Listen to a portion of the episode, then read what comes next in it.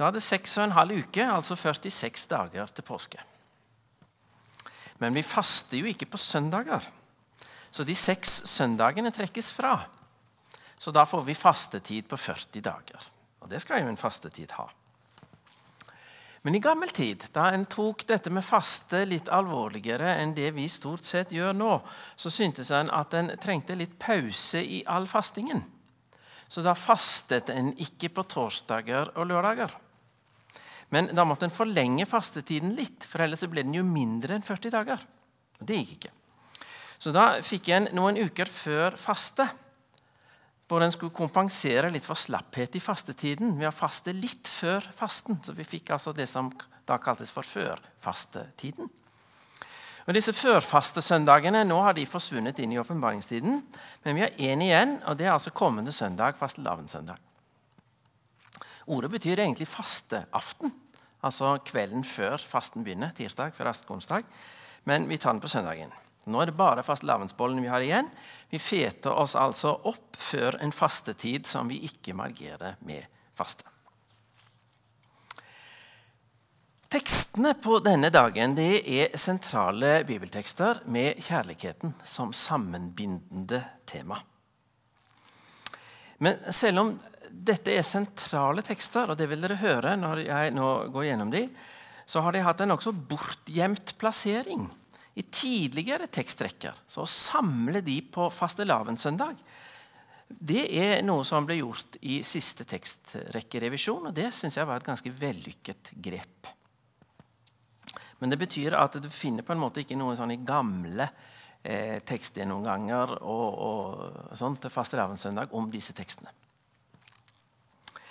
Den gammeltestamentlige teksten er fra Høysangen. Det er jo som høysangen kjærlighetsdikt, og det er hun som synger til han. Sett meg som en seil på ditt hjerte. Det er fra Høysangen kapittel 8. Sett meg som et seil på ditt hjerte, et stempel på din arm. For kjærligheten er sterk som døden. Lidenskapen er ubøyelig som dødsriket. Den brenner som flammende ild, en Herrens brann. Veldige vann slukker ikke kjærligheten elver skyller den ikke bort. Det handler altså om kjærligheten mellom kvinne og mann. Den er sterk som døden, og den lar seg ikke skylle bort med vann. Det tror jeg er riktig. Fra Det nye testamentet så vet vi at denne formelen for kjærlighet er også et bilde på kjærligheten mellom Kristus og hans brud, menigheten. Eh, men det er jo også en, en kjærlighetsrelasjon som overgår det jordiske. Inspirert fra dette avsnittet fra Høysangen 8 så har vi derfor fått følgende formulering inn i nattverdliturgien, hvor menigheten sier om sin Herre deg ham være ære for kjærligheten som er sterkere enn døden. Altså ikke bare sterk som døden, men sterkere enn døden. Med epistelteksten for eh, fastelavnssøndag, som er hentet fra 1. Korinterbrev kapittel 13, så har vi definitivt forlatt området for den jordiske kjærligheten og begitt oss inn i den evige. For der heter det om kjærligheten Kjærligheten er tålmodig, kjærligheten er velvillig. Den misunner ikke, skryter ikke, er ikke hovmodig. Kjærligheten krenker ikke, søker ikke sitt eget, er ikke oppfarende, gjemmer ikke på det onde, den gleder seg ikke over urett, men altså en glede i sannheten. Kjærligheten utholder alt, tror alt, håper alt, tåler alt. Den kjærligheten som alltid tror, alltid håper og derfor alltid holder ut, den forutsetter at den har en evighet å virke i. Det er nemlig bare i det perspektivet vi kan fastholde håpet også for de mest håpløse. Dette er Jesu kjærlighet til oss. Evangeliet handler om den evige, ubekymrede, alltid håpende kjærlighetens manifestering mellom oss. Dette handler altså i utgangspunktet ikke om oss, men lever vi nær denne kjærlighetens uutslukkelige kilde, så vil den smitte over på oss. Evangelieteksten for fastelavnssøndag er hentet fra Johannes evangeliet kapittel 17, som gjengir den bønnen som avslutter Jesu lange samtale med disiplene skjærtorsdag kveld. Her får vi altså bli med inn i Jesu bønnerom, og dermed inn i den nære relasjonen mellom Faderen og Sønnen. Evangelieteksten den lyder slik, og nå leser jeg hele. Jeg ber ikke bare for dem, men også for dem som gjennom deres ord kommer til tro på meg. Må de alle være ett, slik du, Far, er i meg og jeg i deg. Slik skal også de være i oss, for at verden skal tro at du har sendt meg. Den herligheten du har gitt meg, har jeg gitt dem, for at de skal være ett, slik vi er ett jeg i dem og du i meg, så de helt og fullt kan være ett. Da skal verden skjønne at du har sendt meg, og at du elsker dem slik du har elsket meg. Far, du har gitt meg dem. Og jeg vil at de skal være der jeg er, så de får se min herlighet, den du har gitt meg fordi du elsket meg før verdens grunnvoll ble lagt. Rettferdige Far, verden kjenner deg ikke, men jeg kjenner deg og disse vet nå at du har sendt meg. Jeg har gjort ditt navn kjent for dem og skal fortsatt gjøre det, for at den kjærlighet du har hatt til meg, kan være i dem, og jeg selv kan være i dem. Slik lyder evangeliet. I denne bønnen så ber Jesus først for disiplene sine.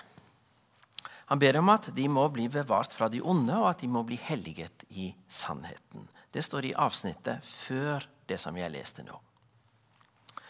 I siste del av bønnen, som altså er prekenteksten for kommende søndag, så utvider Jesus perspektivet, slik at det også omfatter alle som gjennom disiplenes vitnesbyrd kommer til tro på ham. Og Vi får vel tro at Jesus her er litt romslig med generasjonene, sånn at vi også er blant dem som her er omtalt i Jesu bønn.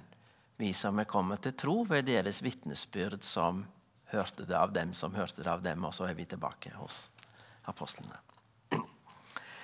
For oss ber Jesus om enhet, og det kan vi nok trenge. Samtidig så er jo Jesus her ganske dristig i den måten enheten omtales på. Mønsterenheten, modellen så å si, er forholdet mellom Faderen og Sønnen. Og ettersom de begge, sammen med Den hellige ånd, er én Gud fra evighet til evighet, så må det sies å være en ganske så sterk og entydig enhet. Denne enheten gjøres først til modell for enheten blant de troende. Måtte de være ett, slik du, far, er i meg og jeg i deg. Men så går Jesus et skritt videre, og så inkluderer han oss i enheten. De skal være i oss, sier Jesus til sin himmelske far Han tar oss altså rett og slett inn i treenigheten. Han inkluderer oss i den evige kjærlighetsrelasjonen mellom Faderen og Sønnen. Der skal vi være, så vi kan se og oppleve den evige kjærligheten. Jeg vil, sier Jesus til sin himmelske Far, at de skal være der jeg er, så de får se min herlighet, den du har gitt meg, fordi du elsket meg før verdens grunnvoll ble lagt. I denne bønnen så gir Jesus altså både en grunnleggende innføring i treenighetslære ved å ta fram den evige kjærlighetsrelasjonen mellom Faderen og Sønnen. Og så forteller han oss om grunnlaget for kristen enhet. Hva det siste angår, så er det interessant synes jeg, hvordan Jesus unngår enhver form for moralisme. Han sier ikke til oss at nå må dere holde sammen, sånn at enheten kan bli tydelig. Han ber fram enheten. Enhet blant kristne har altså sitt fundament i at Jesus ber om den. Og ettersom det her er Jesus som ber, og det er en rett kristelig bønn, så kan vi være nokså sikre på at den blir oppfylt. Enhet mellom kristne det er altså ikke noe vi skal virkeliggjøre, det er noe som foreligger. Men det kan kanskje være et og annet hos oss som gjør at denne enheten blir utydelig, og det kan vi nok godt luke bort. Da vil enheten, som altså er forankret i det at vi er inkludert i Guds egen evige kjærlighetsrelasjon, være det som står igjen. Det er alltid en fare for at en preken kan komme til å handle mer om det vi skal gjøre for Gud og for hverandre, enn det Gud, gjør i oss og blant oss.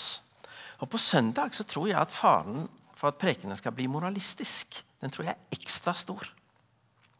Nå må vi vise kjærlighet. Nå må vi vise enhet og fellesskap. Kan veldig lett komme til å bli budskapet på søndag ut fra disse tekstene. Og Det er jo selvsagt rett. Vi, vi, bør vise enhet og fellesskap. Men en preken med et sånt innhold er ikke en evangelisk preken. Prekenen på søndag må handle om Guds ubetingede kjærlighet til oss. Det er den kjærligheten som er sterkere enn døden, som tror alt, håper alt, aldri blir borte, slik at vi aldri faller ut av den. Det er den kjærligheten som skaper kristen enhet, ved at vi inkluderes i den evige kjærlighetsrelasjonen i treenigheten. La oss be. Herre Jesus Kristus, i kjærlighet overga du deg selv til lidelse og død i vårt sted. Vi ber deg, vis oss den veien du gikk så vi kan dø med deg og oppstå til det evige liv, du som med din Far og Den hellige ånd lever og råder, en sann Gud fra evighet til evighet.